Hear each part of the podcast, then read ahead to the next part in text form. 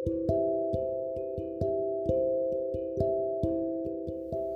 podcast kali ini kita akan uh, sedikit berdiskusi tentang buku dari Tom Nichols, The Death of the Advertise atau Matinya Kepakaran.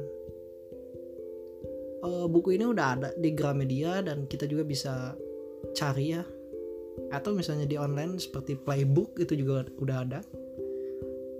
Oke, kita akan coba membahas ini ya. Jadi pernahkah kita sadar saat ini hidup dalam dunia informasi modern uh, yang memunculkan perasaan skeptis terhadap kemampuan pakar menjawab berbagai problema dewasa ini. Jadi entah kenapa, menurut hati kecil kita mulai membantah pakar tanpa alasan yang jelas. Jadi kita pun berpikir apa yang pakar sampaikan, oke bisa kita sebut pakar atau profesional di bidangnya, hanyalah bumbu-bumbu untuk mencari popularitas semata. Jadi di saat ada pakar lain yang saling bersaing untuk mendapatkan panggungnya masing-masing.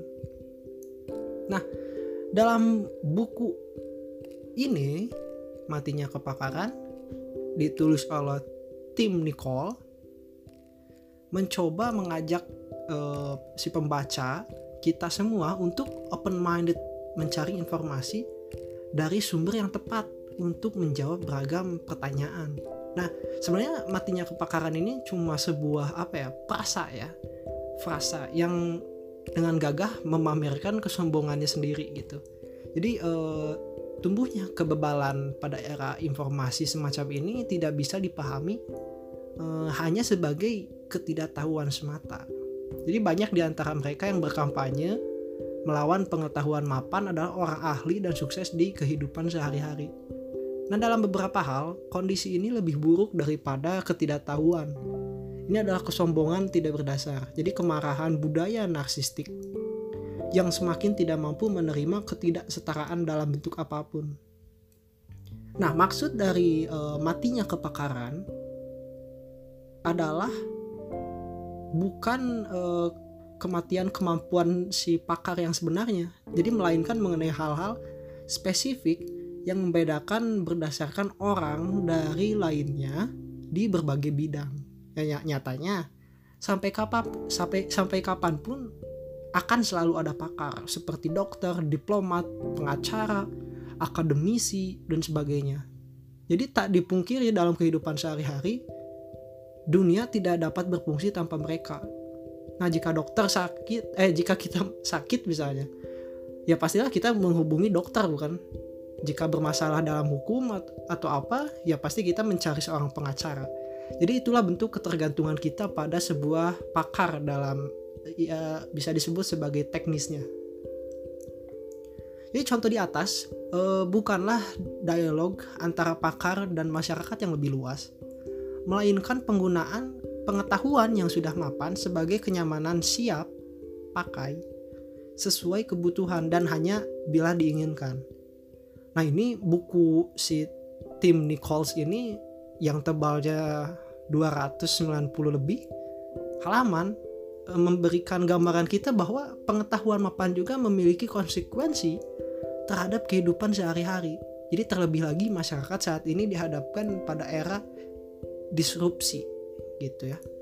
Nah, dalam ilmu pengetahuan, gangguan atau dis diskusi tadi terhadap kemapanan pengetahuan itu telah beberapa kali terjadi. Misalnya, di periode paling mencolok saat ini adalah kemunculan postmodernisme. Jadi di mana pengetahuan mengalami kritikan cukup pedas dari golongan posmo dan juga strukturalisme. Nah, si Tom Nichols ini, Tim Nichols, uh, secara pribadinya mengisyaratkan melalui buku ini. Jadi yang diharapkan mampu menjembatani ketegangan antara pakar dan orang awam yang bahkan mampu memporak-porandakan kelangsungan demokrasi bersama. Nah, nah sekarang masuk ke pertanyaan apa itu pakar dan siapa yang disebut pakar? Jadi apa yang menentukan misalnya kita ditentukan sebagai kepakaran. Nah, jadi banyak orang yang mengaku dirinya pakar atau intelektual. Ya, dan kadang itu benar namun tak jarang juga pengakuan diri sendiri seperti itu justru berakibat lebih buruk daripada sekedar menyesatkan. Jadi orang-orang yang mengaku pakar biasanya terlalu sadar diri. Jadi uh, seperti hal orang yang merasa dirinya jago dalam segala hal gitu. Nah, kamus ini tidak banyak membantu dalam hal ini. Jadi banyak orang mendefinisikan pakar itu dengan cara berputar-putar. Jadi pakar disebut sebagai orang yang memiliki pengetahuan komprehensif dan otoritatif yang juga berarti pakar itu adalah seseorang yang perintahnya dalam bidang tertentu merupakan informasi yang sepenuhnya benar dan dapat dipercaya. Nah, dengan kata lain, pakar itu adalah orang-orang yang jauh lebih tahu mengenai satu pokok bahasan dibandingkan kita semua. Nah, mereka ini sosok yang kita cari uh, ketika membutuhkan misalnya nasihat, pendidikan atau kesehatan. Ya, misalnya seperti tadi dokter dan pengacara atau solusi dalam bidang pengetahuan tertentu juga gitu. Nah, ingatlah, jadi uh, ini bukan berarti pakar mengetahui segalanya. Jadi walaupun berdasarkan sifatnya pakar di bidang apa pun adalah sekelompok minoritas yang pandangan cenderung otoritatif yaitu benar atau akurat dibanding pandangan orang lain karena telah melalui research penelitian dalam waktu yang lama.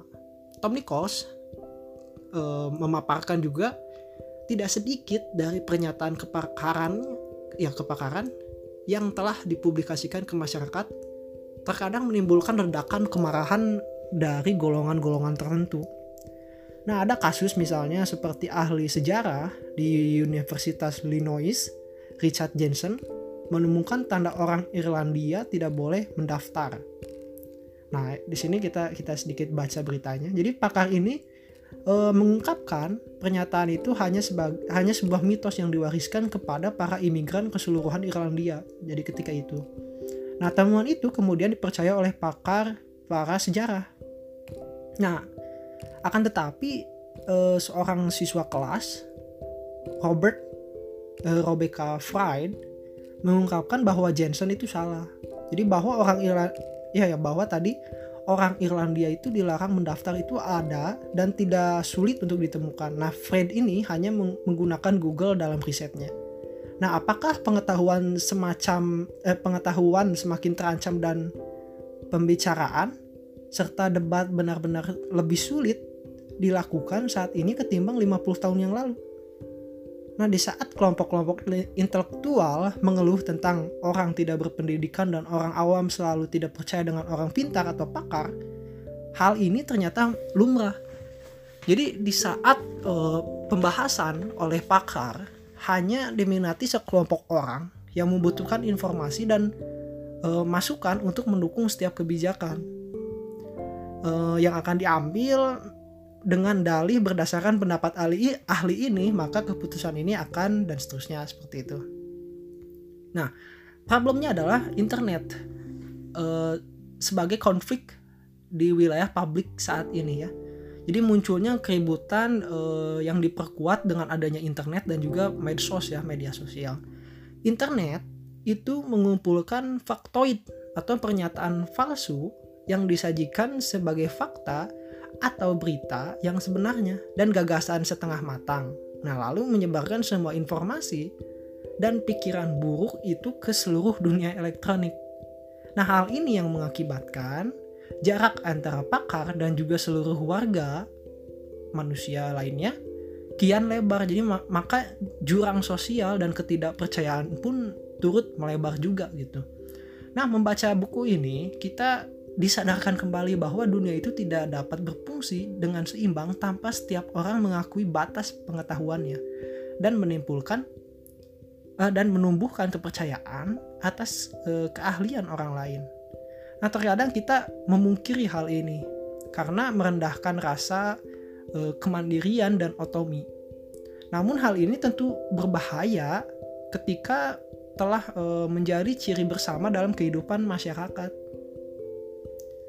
Nah, hal yang membedakan antara orang pakar dan orang awam yaitu kemampuan atau bakat alami yang dimiliki. Nah, bakat tersebut ditegaskan di buku Tom Nichols ini sebagai hal yang mampu membedakan antara mereka yang memiliki sertifikat dan orang-orang lain yang memiliki pemahaman mendalam. Nah, saat uh, ketika itu muncul pertanyaan, lalu pendapat siapa yang paling didengar di zaman yang serba cepat ini yang di kala teknologi informasi bisa menjawab semua pertanyaan kita yang muncul? Nah, fakta diperoleh biasanya orang pandai yang berkomentar memiliki ruang dan wacana. Mereka memiliki waktu luang alias tak ada kesibukan selain berkomentar. Nah, apakah mereka memiliki latar belakang pendidikan yang tinggi? Ternyata fakta yang ada bahwa mereka adalah segelintir orang yang tidak berpendidikan namun berpendapat bagaikan seorang ahli. Nah, ini agak bahaya ya. Jadi mereka memiliki eksistensi dengan dengan memiliki banyak pengikut di dunia nyata atau di dunia maya, misalnya seperti followers gitu ya. Nah, sering kali e, memaksakan pemahamannya untuk diikuti dan diamini gitu jadi agak ini juga ya misalnya kayak subscriber 20 ratusan ini tanpa ada uh, dia berasal dari bidang secara resmi misalnya atau tersertifikasi tapi ternyata tidak berpendidikan dan juga banyak followersnya gitu. Ini yang sedikit bahaya. Nah si Tom Nicole ini di bukunya mencoba juga uh, mengungkapkan fenomena orang yang menggunakan ketidaktahuannya itu sebagai senjata yang justru malah mengaburkan pendapat para ahli gitu. Nah, e, salah satu dampak fenomena tersebut itu melahirkan generasi pesan berantai yang berlangsung e, percaya terhadap satu isu yang menyebar hanya melalui media online atau chat grup di WhatsApp atau misalnya Instagram atau sosial media lainnya dibanding menggunakan sedikit waktunya untuk mempelajari isu tersebut serta mencari tahu kebenaran akan informasi tersebut gitu. Nah, salah satu faktor yang membuat matinya kepakaran ini semakin mencuat disebabkan oleh perkembangan internet dan media sosial yang tidak diikuti dengan kebijaksanaan pengguna. Jadi balik lagi semua kembali lagi ke kebijakan kita e, menggunakan teknologi Nah, dalam dalam kasus ini mencari dan memanfaatkan informasi gitu.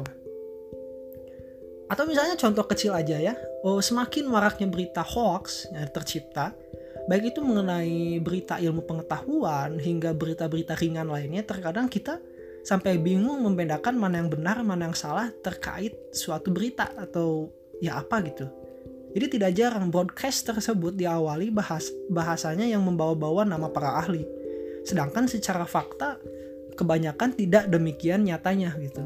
Hal inilah yang menyebabkan ketidakpercayaan terhadap omongan para pakar atau ahli yang memiliki pendidikan atau sertifikasi sesuai kepastian ilmunya gitu. Nah, eh, di akhir ulasannya Tom Nichols ini dia menyampaikan eh, wacananya bahwa kita sebagai pembaca itu diberikan gambaran konsep matinya kepakaran dipengaruhi oleh beberapa hal. Nah, misalnya kemudahan akses informasi internet, perkembangan sistem pendidikan, jurnalisme gaya baru, dan sistem politik di sebuah negara.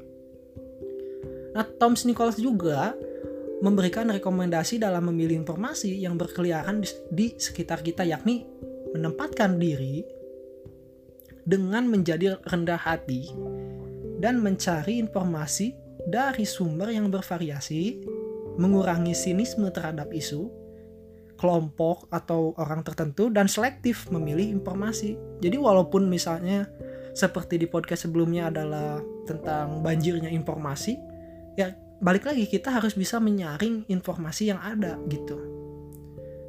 Nah ini uh, terakhir ya uh, kalimat yang ditulis Tom Nichols katanya pakar itu harus selalu ingat mereka adalah pelayan dan bukan tuan dalam masyarakat. Serta orang awam tidak dapat hidup tanpa pakar dan mereka harus menerima kenyataan ini tanpa dendam. Gitu kata uh, Tom Nichols. Jadi pada akhirnya kepakaran ini justru apa ya menjadi sebuah matinya kepakaran ini menjadi sebuah tantangan buat kita. Kita harus lebih percaya sama orang-orang yang telah bersertifikasi dalam bidangnya apalagi di covid kayak gini banyak sekali hoax. Jadi uh, kita harus skeptis terhadap informasi yang ada. Kita harus saring dulu bahwa apakah ini berasal dari sumber yang benar atau hanya sebagai uh, surat burung saja seperti itu. Itu dia untuk podcast kali ini. Sehat sehat-sehat semua. Dan jangan lupa keep calm and coding